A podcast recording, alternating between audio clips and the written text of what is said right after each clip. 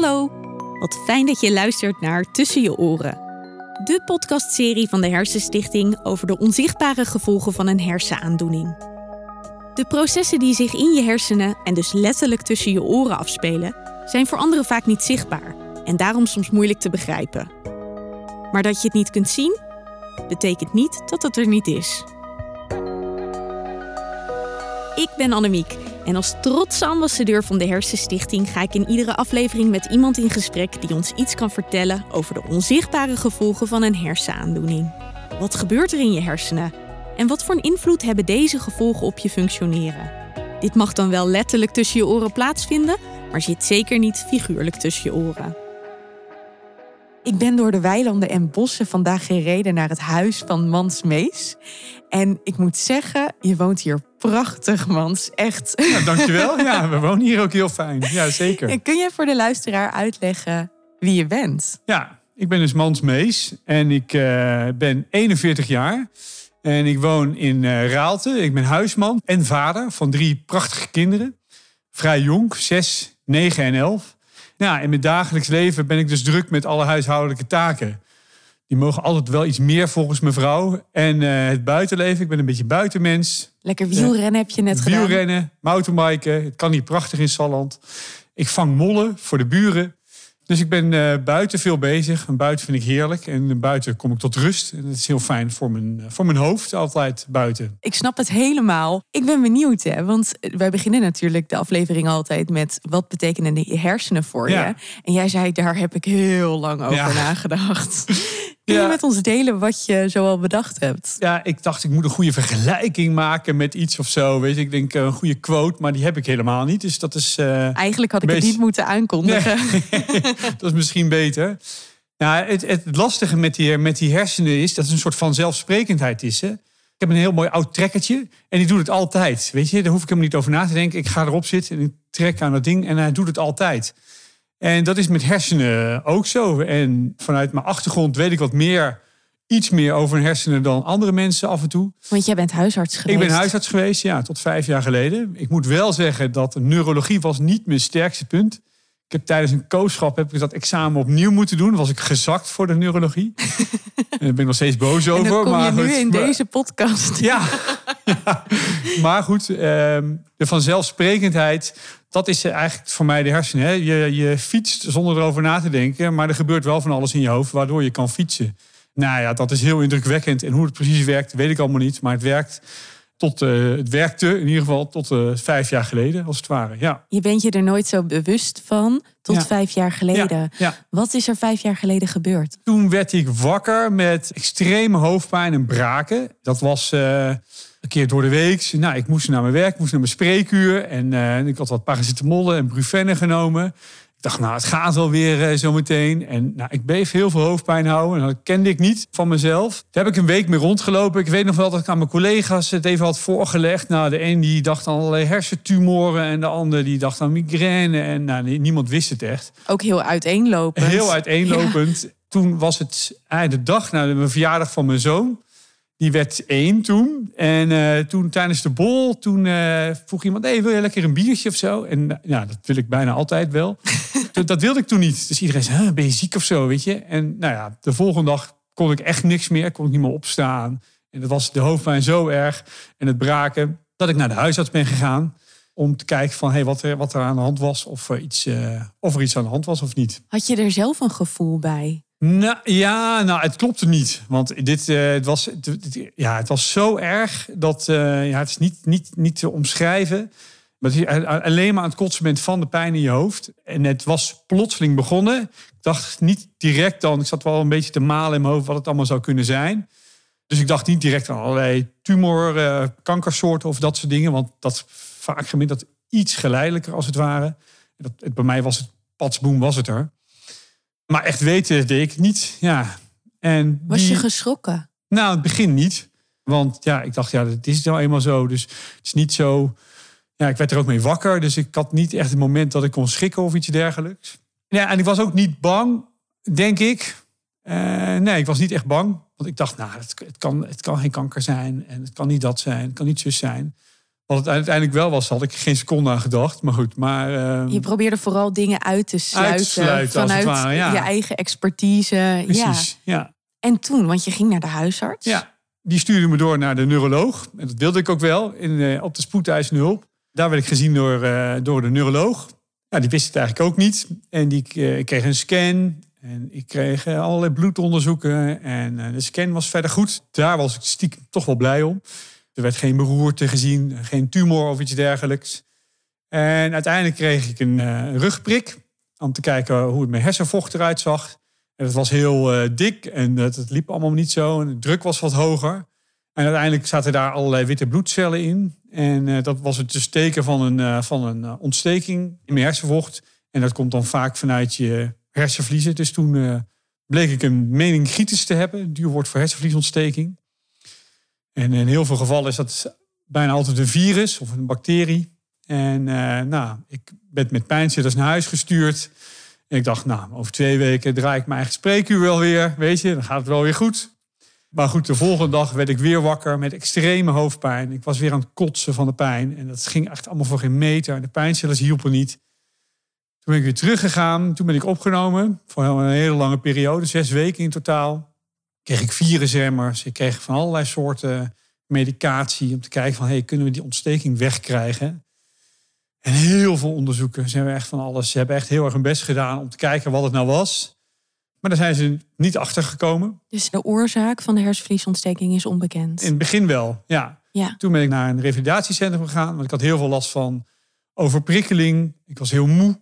En nou, ik had dus echt hele kleine kinderen thuis. Ik had nergens een plek waar je nou ja, kon herstellen, als het ware, zonder eh, prikkels. Kan ik zeggen van toen de hoofdpijn en het kotsen minder werd, waren het vooral onzichtbare klachten die je had? Ja, ja, heel onzichtbaar. Want maar het was er dus nog wel. Ja, zeker. Het was, er, het was er zeker nog wel. Ik bleef heel veel hoofdpijn houden. Onwijs moe. En zo moe in je hoofd. Dat is, ja, nou goed, dat is heel lastig om dat goed uit te leggen. Omdat daarvoor heb ik nooit iets gehad of nooit iets gedaan waardoor ik zo moe in mijn hoofd was als, als toen. Dus dan vind ik, vind ik het ook heel moeilijk om, uh, om dat te vergelijken met iets. Ik kan me voorstellen dat de kleine dingen die je moet doen dan al heel zwaar ja, voelen. Nou ja, weet je, ik kon niet lopen van, uh, van ik kon nog geen, geen 20 meter lopen. Dus dat, dat kostte al zoveel energie en moeite. Op het moment zelf had ik het niet echt in de gaten. Maar daarna merkte ik dat ik een toename had van de klachten. Dat ik zo uitgeput was van een, in mijn ogen een simpel bezoek van de dokter als het ware, of van de verpleegkundige. De gevolgen waren met name onzichtbaar. Dat merkte ik ook wel. Want ik moest echt wel vertellen waarvan, waar ik last van had. En mijn best doen om te zeggen van dat ik echt nog heel veel last had. Omdat het zo onzichtbaar is. En dus dan is het ook lastig voor de artsen. Dat begrijp ik heel goed. Om in te voelen of te herkennen wat er aan de hand is. En dat is heel lastig als het ware. Want wat was het moment waarop de hersenvliesontsteking zelf weg was. Ja, na ongeveer uh, zeven maanden ongeveer. Zo, dus dat heeft zo lang geduurd. Ja, want ik was toen zat ik in het revalidatiecentrum en toen afhankelijk ging het wel iets beter. Dus toen dachten we, nou, hey, yes, ik ben op de terugweg. Maar ik bleef, het is heel moeilijk te omschrijven, maar ik had het gevoel dat het niet, dat het niet weg was. Dat ik nog steeds ontsteking had in mijn hoofd. En dat idee had ik vooral omdat ik, ik boekte geen progressie met alle therapieën. En het bleef allemaal zoveel moeite kosten. Ik dacht, jeetje, het wordt echt helemaal niks beter. Dus ik heb al een paar gaf ik aan die revalidatiearts en een psycholoog. Ik zei, ik heb het idee allemaal nog, dat het nog niet weg is. Dat het, dat het niet, niet, beter, niet beter wordt, als het ware. Want wat zou moeten helpen? Medicijnen of juist die revalidatie? Nou ja, vaak is het tijd een hele belangrijke. En rust en uh, dosering van, uh, van de hoeveelheid prikkels. Dat zijn vaak de, nou, in het begin de dingen die, uh, die heel goed helpen, als het ware. Maar die hielpen gewoon niet. Toen op een gegeven moment werd ik weer wakker met nou, extreme hoofdpijn. Het was toevallig tijdens een verlofweekendje. Toen mocht ik eindelijk weer keer naar huis. En toen uh, ben ik weer naar, naar het ziekenhuis gegaan. En vanaf moment één zeiden heel veel mensen dat ik naar een expertisecentrum moest gaan voor neuro-infectieziekten. Er waren ook neurologen die dat zeiden, van via via. En toen ehm, was ik dus weer uh, op de spoedeisende hulp. En toen zei de neuroloog daar van, nou, ik denk dat het weer een virus is. Of hetzelfde virus als de vorige keer. Of zo. Ja, ze wist het niet. Want ze kwamen na al die tijd niet achter wat er aan de hand was. Toen zei ik, nou, toen heb ik mijn vrouw vooral met haar vuist op tafel geslagen. En nu gaan we wel naar, uh, naar dat expertisecentrum. En daar kwam ik bij, ja, voor mij mijn held terecht. En die had zich heel goed ingelezen. En kwam er aan met een ambulancerit. En ging naast me zitten. En hij vertelde hoe of wat, waar hij aan dacht. Wat daar de mogelijke behandelingen voor waren. En dat het heel goed te behandelen was. En nou ja, ik voelde me gelijk heel fijn gehoord. En hij bleek ook gelijk te hebben. Dus dat is natuurlijk wel makkelijk voor hem. Dat is helemaal fijn, ja. ja. Want ik bleek dus die, die hersenvliesontsteking niet op basis van een bacterie of een virus te hebben gehad. Of een ander gek beestje of een schimmel. Maar op basis van een ja, stoornis in mijn afweersysteem. Ah, en dat is natuurlijk waardoor het dus zo lang duurde. Zo en zo duurde, onduidelijk bleef hoe je het aan kon pakken. Ja, precies. Ja, precies. En het lastige is wel dat de, de, dat expertisecentrum heeft een bepaald protocol voor mensen die langdurige ontstekingen in hun hoofd hebben. Daar heb ik nog steeds moeite mee. Dat is niet een landelijk gebruikt protocol. In het ziekenhuis werd medicatie gegeven die niet in de juiste dosering waren gegeven, waardoor je dus foute conclusies trekt uit een bepaalde behandeling. Zeg ik het goed als het zo is dat ze het protocol heel erg op wanneer een virus van een bacterie of een schimmel of een infectie komt, afgestemd hebben. Maar dat als het dus een uitzonderlijke situatie is, zoals die jouwe, dat ze dan eigenlijk het niet aanpakken of misschien zelfs tegenwerken met deze manier van werken. Precies. Ja, precies. En dan kom je er niet achter. Ja. En ze hebben echt superveel diagnostiek gedaan, dus dat was heel goed. Maar ik heb bepaalde proefbehandelingen gekregen die niet aansloegen, maar die, die medicatie waren niet in de juiste doseringen zodat je er ook geen conclusie aan kon verbinden dat het niet werkt. En bij mij was het medicijn prednisolon. En in hele hoge doseringen, echt mega hoge doseringen. En daarmee kreeg je als het ware een soort reset van je afweersysteem. En toen was de ontsteking althans weg uit mijn, uh, uit mijn hersenvocht. Dus vanaf, ja, was ik heel blij mee. Ja, dat, ja, daar was ik heel blij mee. Ja. Dat, maar goed, dat duurde eh, al met al zes maanden, zeven maanden... tot het echt weg was, die ontsteking. Is het ook zo dat als het zo lang duurt, dat het meer blijvende schade met zich meebrengt? Nou, dat, uh, dat durf ik niet te zeggen. Maar ik denk als ik na binnen een maand in het goede behandelprotocol had gezeten, dan had ik een half jaar korter ontsteking gehad in mijn hoofd. Ja, weet je, ja, ik denk dat het alleen maar beter voor zou kunnen zijn geweest voor de situatie waarin ik nu zit. Het klinkt logisch. Ja, nou, dat vind ik wel. Ja, zeker. Het heeft natuurlijk wel iets met je gedaan. Ja, want jij bent niet meer de oude. Nee, ik ben niet meer de oude. En, um, sorry. Oh, lieverd, dat mag. Het mag er wel even zijn. Ja, ja dat is het ook. En dit is vooral kut, hè? Dat ze het niet zien ook en zo. Ja. Dus ik ben heel blij dat je hier bent. Dat is heel goed voor mijn rouwproces, als het ware, om het hierover te hebben. Dat gebeurt gewoon nog wel. Ja. Dat is nu vijf jaar geleden. En het is er nog steeds, weet je, het verdriet zit er nog steeds. Ja, mag ik jou dan vragen wat jou zo raakt? Um, nou, misschien is de trigger geweest de vraag die je stelde over dat ik niet meer ben wie ik was. En nu uh, mans 2.0 ben. Nou, goed. Ook een heel mooi iemand. Ja, nou, weet je, ik zit mezelf heel erg in de weg. Want die mans 2.0 vind ik eigenlijk een beetje een sukkel. Die de hele dag ja, moeite heeft om de dag door te komen. Dat niks meer vanzelfsprekend is alles maar gepland moet worden. En daarvoor, ja, jeetje man, ik was huisarts. Ik had uh, een extreem grote praktijk. En ik was, deed allerlei besturen mee. En ik organiseerde allerlei nascholingen. En dan stond ik ook nog op zaterdagochtend op het hockeyveld om uh, half negen mijn dochter aan te moedigen, weet je. En sociaal, qua leuke dingen doen, dat deed ik ook aan heel veel dingen mee.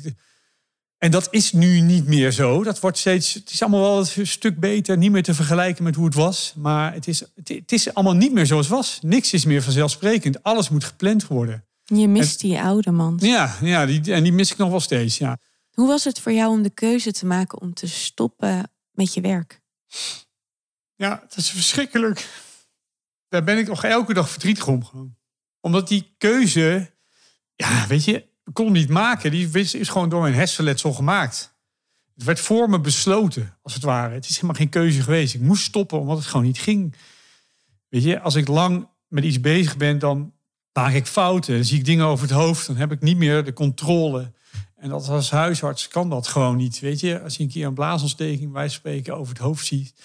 Ja, dat is vervelend, maar tot daaraan toe. Maar de wat vagere klachten die uitmonden in een hartinfarct, die moet je gewoon niet missen. En daar, dat, die, die feeling heb ik gewoon niet meer. En je moet scherp zijn. Je moet scherp zijn. En dat, dat, dat kan ik niet meer. Dat, zo kom ik misschien niet altijd over, maar dat kan ik niet meer. Ik weet nog precies het moment dat ik daar tegenaan zat te hikken, weken. Dat het, want het was, ik zat, was inmiddels al twee jaar niet aan het werk als huisarts. En ik dacht, ja, ik moet gewoon stoppen voor mijn patiënten. Die hebben ook gewoon een vaste huisarts nodig. Ja, het moment zelf is dat ik liep me wandelde met mijn vrouw door het bos. En nou ja, huilend. Dat ik echt moest stoppen met iets wat ik zo graag wilde doen. Waar je zo hard voor gewerkt ja, hebt. Ik, ik, was gewoon geboren om huisarts te worden. Ah, die plek, ik weet het nog precies waar het is. Die meid ik nog steeds. Met, fiets ik met een grote boog met mijn mountainbike omheen. Want dat heeft zoveel negatieve lading. En natuurlijk, mijn leven is nu met de beperkingen die ik heb eigenlijk heel geweldig. Dat hebben we laatst nog tegen elkaar gezegd. Maar het is niet, niet, niet wie ik was. En, het, en ja, ik moet misschien een keer ophouden met dat die vergelijking te maken. Omdat het heel veel energie kost en het ook nooit meer zo wordt. Ja, ik ben ook maar een mens. Ik doe dat toch automatisch. En mijn, in mijn onderbewustzijn droom ik nog steeds dat ik spreekuren draai. En het stomme is namelijk dat ik ook wel denk dat ik nog wel een beetje kan ook. Hè? Ik denk, ah joh, ik weet sommige dingetjes ook nog wel. Ik, ja, sommige, ik weet, de kennis zit er nog wel. Ik wil zeggen, dat is niet zomaar Nee, het is niet weg. zomaar weg. Nee, maar goed. Maar, dus maar je hebt je droom ik hou moeten laten ja, gaan. Ja, ja, precies. Mijn droom moeten laten gaan. En nou, dat, Ja. dat is het eigenlijk een beetje. Ja. Het besef wat het met je doet en nog steeds met je doet. En hoe nou, destructief het voor mijn gezin was, is, dat, dat, dat, dat maakt eh, verdrietig als het ware. Dat En is het zo lastige- confronterend. Ja. Het lastige is dat waar ik nu last van heb, dat ziet niemand. Weet je, en het is niet tastbaar. En veel zeggen, nou, weet je, het is nu vijf jaar geleden, weet je. Ja, en ik ben een vrolijke, energieke vent. Dus ja, waar heb je nou nog last van dat je niet meer werkt, als het ware? Hè? En dat is de vraag die je altijd kan door. Wat doe je nu? Maar hoezo werk je niet? En dat voortdurend het uitleggen wat er aan de hand is. Dat speel ik mezelf ook wel in de hand, omdat ik er niet heel graag over praat. En omdat ik niet een beetje op het zielige bankje wil gaan zitten. Dat het allemaal Maar het is ook een stukje eigenwaarde. Zou jij een voorbeeld kunnen geven van een moment waarop het in het gezin lastig is?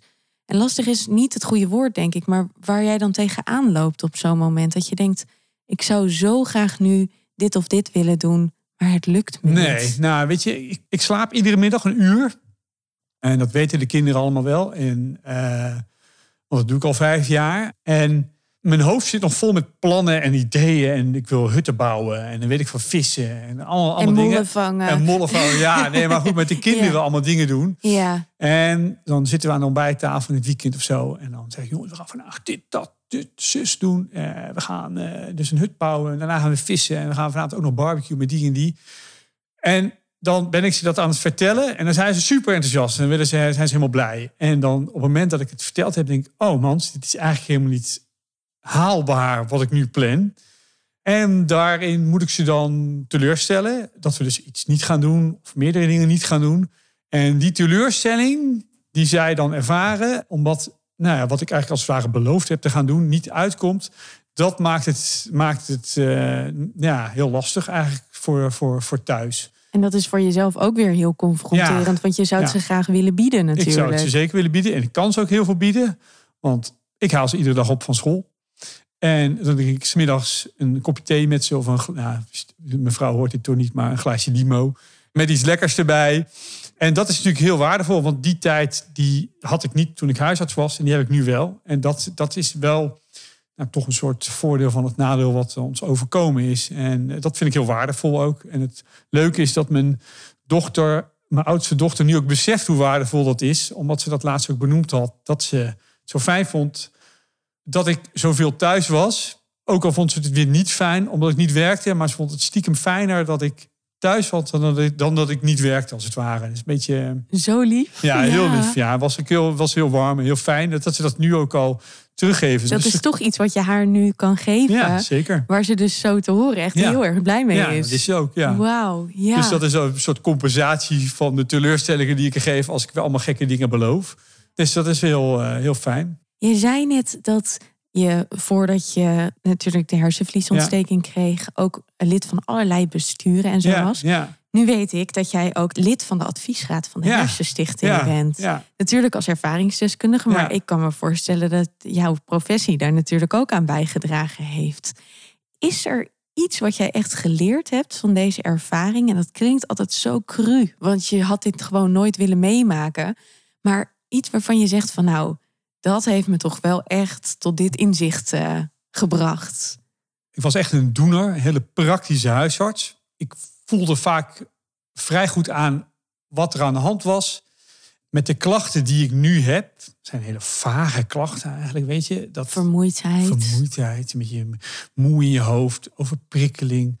Met name met je cognitieve overprikkeling, concentratie. Kijk, dat, als, als praktische huisarts, als echt ehm, doener, is zijn dat hele, waren dat altijd hele moeilijke patiënten voor mij. Dat vormde echt een uitdaging om daarmee om te leren gaan. Want ik wilde lekker pragmatisch allerlei oplossingen aandragen. En dat deed ik ook heel veel. Als Zonder... een soort van tovenaar. Zo Ja, van, oh ja, Ja. jij zegt dit en dan doe ik abracadabra. En dan ben je, ja, je loopt de spreekkamer uit en dan gaat het weer goed met je, weet je. Het besef dat met de klachten die ik heb, het zien van die onzichtbare klachten, dat kon ik helemaal niet. Dat zag ik helemaal niet. Daar was ik helemaal niet goed in. Dus ik, wa- waar ik nu terugkijk, denk ik dat ik heel wat mensen, ja, ik durf echt niet te zeggen hoeveel, met vagere klachten allemaal doorgestuurd heb naar mijn praktijkondersteuner GGZ. Hè, iemand die heel goed met allerlei psychische klachten, psychosomatische klachten om kon gaan. Ja, Je hebt dus eigenlijk tegen die mensen gezegd van het zijn mentale klachten. mentale klachten. Het zit maar tussen je praten. oren. Ga maar praten. Je bent te druk op je werk. Eh, je relatie loopt niet zo lekker. Daar zou ik ook stress van sla hebben. Nou, je werk is niet leuk. Weet je, ga daar maar over praten en dan gaat het weer goed met je. Ik heb echt nog nooit gekeken dat er in de voorgeschiedenis of daar een beroerte is geweest, of een, een hersenkneuzing of een hersenvliesontsteking. Het merendeel van mensen die langdurige klachten hebben van hersenletsel, zijn wel de mensen met een beroerte. En die, die komen er ook wel in, in je dossier. Maar heel veel mensen met een hoofdtrauma, dus een, een, botsing met, met een kop op de grond of met, met een bal tegen hun hoofd. Of, het hoeft niet eens heel zwaar te zijn om al wel heel langdurig klachten te hebben. Ik denk dat ik met de kennis die ik nu heb, met de klachten die ik zelf ervaar, mensen niet, niet altijd even goed behandeld heb, als het ware. Stel hè, je zou nu jezelf als huisarts advies moeten geven. Ja. Wat zou je dan nu tegen jezelf zeggen? Oh jeetje. Ja, dat is lastig hè? Ja, nou, het fijnste is om begrip te krijgen. En dat is heel moeilijk voor iets wat niet zichtbaar is. En wat heel moeilijk invoelbaar is. Want dat wil ik ook wel even zeggen. Dat we, wat ik eigenlijk ook niet heb geleerd tijdens een opleiding. De langdurige klachten na, eh, na een, een hersenletsel. Ja, dat, dat, we wisten wel een beetje dat het er was. Maar ik heb er nooit meer ge- geleerd wat ik daarmee moest doen. En hoe ik daarmee om moest gaan. Dus het is ook een, een, een, waar niet alle huisartsen aan, eh, iets aan kunnen doen. Ik heb nog even contact gehad met iemand die vers in de opleiding zit. Dat is nu wel meer eh, dat ze daar mee bezig zijn. Maar nog steeds heel weinig over die onzichtbare gevolgen. Nou ja, en als je het er niet over hebt, ja, dan herken je het ook niet. Dus wat ik mijn huisarts zou willen meegeven, mijn huisarts deed het heel goed trouwens hoor, maar goed, is dat het, ja, verwoestende karakter die die onzichtbare gevolgen hebben voor eh, sociaal leven, maatschappelijk leven, financieel, je gezin, eh, gewoon de, de, de kwaliteit van leven, het plezier en alles, dat die zoveel groter zijn dan je je kunt voorstellen. Of, dat kan niemand zich voorstellen tot tot je het zelf ervaart, als het ware. En dat gun ik niemand. Is dat ook wat je vanuit de adviesraad van de Hersenstichting heel duidelijk meegeeft? Van neem dit serieus. De Hersenstichting doet dat natuurlijk zoveel is- ja, mogelijk ja, al. nou, weet je, dat is het fijne van het werken bij de Hersenstichting. Je wordt daar op je woord geloofd. Want ik heb vandaag een slechte dag. Oh, zullen we het dan een andere keer afspreken? Huh? Ja, dat deed jij ook heel fijn. Ik ervaar dat zelf ook bij de Hersenstichting. Dat ze daar en- heel flexibel in zijn. En, en dat is heel fijn. ja, En het geeft de, de, die erkenning dat je niet je best hoeft te doen om maar te vertellen hoe erg het allemaal is wat je overkomt. Dat is heel fijn, dat je daar niet je energie aan kwijtraakt. En dat zou ook heel fijn zijn in je omgeving. En dat gebeurt al heel, heel, veel, heel veel momenten. Wat Ja. zou je tegen iedereen zeggen die op dit moment nog steeds zegt... nou, een niet aangeboren hersenaandoening, dat zit echt tussen je oren. Ja, als ik bijvoorbeeld op het schoolplein sta en vrolijk eh, alle kinderen gedag zeg die langslopen, dat je aan de buitenkant niet ziet hoe het met me gaat. Maar dat je ervan uit moet gaan dat ik altijd koppijn heb en altijd moe in hoofd. Ik- Het is gewoon niet meer wat het was. En dat is toch ook super verdrietig? Ja, Ja. Ja. Als je vergelijkingsmateriaal hebt, is dat extra moeilijk, Ja, want je weet wat het ja, was. En, en het stomme is, ik vergelijk mezelf altijd nog met die mans 1.0. Ja. Dat, ja, dat doe ik wel wat minder. Maar dat zeg ik ook maar om, om het maar vaak te zeggen dat ik het zelf ga geloven. Maar weet je, kijk, het moeilijkste van die onzichtbare gevolgen is dat, dat je, eh, je voelt dat mensen denken, jeetje, die stelt zich aan. Hij staat wel vrolijk op het schoolplein te wezen. Waarom werkt hij niet gewoon, als het ware? Nou, mensen zien ook niet wat voor een energie het jou kost om daar überhaupt ja, al te staan. nee, ja, om, en, wat het, en vooral niet wat het erna kost. Ja. Mensen zien niet dat ik naar huis kom en eh, tien minuten met mijn brainwaves opgelegen om even ervan bij te komen dat ik op een vol schoolplein heb gestaan. En ook de emoties die jij Ja, nu laat die, zien. nu, die, en die laat ik niet zo zien. Nee, maar die kosten ook energie. Ja, die en kost ook energie. Ja. alleen het feit dat dit gebeurd is, vijf jaar is gewoon Ja. niet lang. Nee, En ja, jij bent in de bloei van je leven. Ik snap heel erg goed dat dat allemaal emoties met zich precies. meebrengt. Ja. Ja. weet je, en het, vooral het frustrerende is dat niets meer vanzelfsprekend is. Maar je ziet het gewoon niet aan de buitenkant. En het, ons leven is geen puinhoop meer, weet je, maar het is nog wel een rotzootje. En dat maakt het heel lastig. Zeg ik het goed als ik zeg... de situatie is voor jou al heftig genoeg. En jij had het zelf al zo graag anders willen zien. Ja, En iedereen die daar ook maar iets over te zeggen heeft... Ja, ja. dat maakt de situatie eigenlijk alleen maar ingewikkelder. Ja, dat is het ook zo. En daarom is die hele campagne Samen voor Begrip is echt heel, heel fijn en voelt heel goed aan. En gelukkig doen in mijn omgeving er heel veel het heel goed. Maar het zou zo fijn zijn als het een vanzelfsprekendheid is dat je je niet hoeft te verantwoorden waarom je bepaalde keuzes maakt om niet ergens bij te zijn, om niet om al eerder naar huis te gaan, om niet naar een verjaardag te gaan, om weet ik wat allemaal nog meer niet te doen vanwege je hoofd, omdat mensen op het schoolplein, bijvoorbeeld, hè, ik haal het schoolplein uit, dat gaat het eigenlijk best goed. Maar mensen zien niet wat het je kost. En mijn gezin ziet het wel. Die krijgen een geagiteerde, zaggerijnige vader aan de, aan de tafel. Die snel boos wordt, terwijl ze gewoon lekker kind zijn. En klieren en klooien, wat ik heerlijk vind. Maar op dat moment, omdat mijn hoofd al zo vol is, niet aan kan. Nou ja, En ook daarom nemen wij nu deze podcast op. zeker. Ja. ja. Dankjewel voor je openheid, Mans. Ja, jeetje. Ja. Nou ja, graag gedaan. Bedankt voor het luisteren naar deze aflevering van Tussen je oren. De Hersenstichting investeert in hersenonderzoek, geeft voorlichting en zet zich in voor betere patiëntenzorg, revalidatie en participatie. Jij kunt ons hierbij helpen door te doneren, maar ook door deze podcast te delen. Vond je de aflevering interessant of herkenbaar? Laat het ons weten via social media met de hashtag Hersenstichting. Geen aflevering missen? Abonneer je dan in je favoriete podcast-app. Wil je meer weten over de onzichtbare gevolgen van een hersenaandoening? Ga dan naar hersenstichting.nl/gevolgen.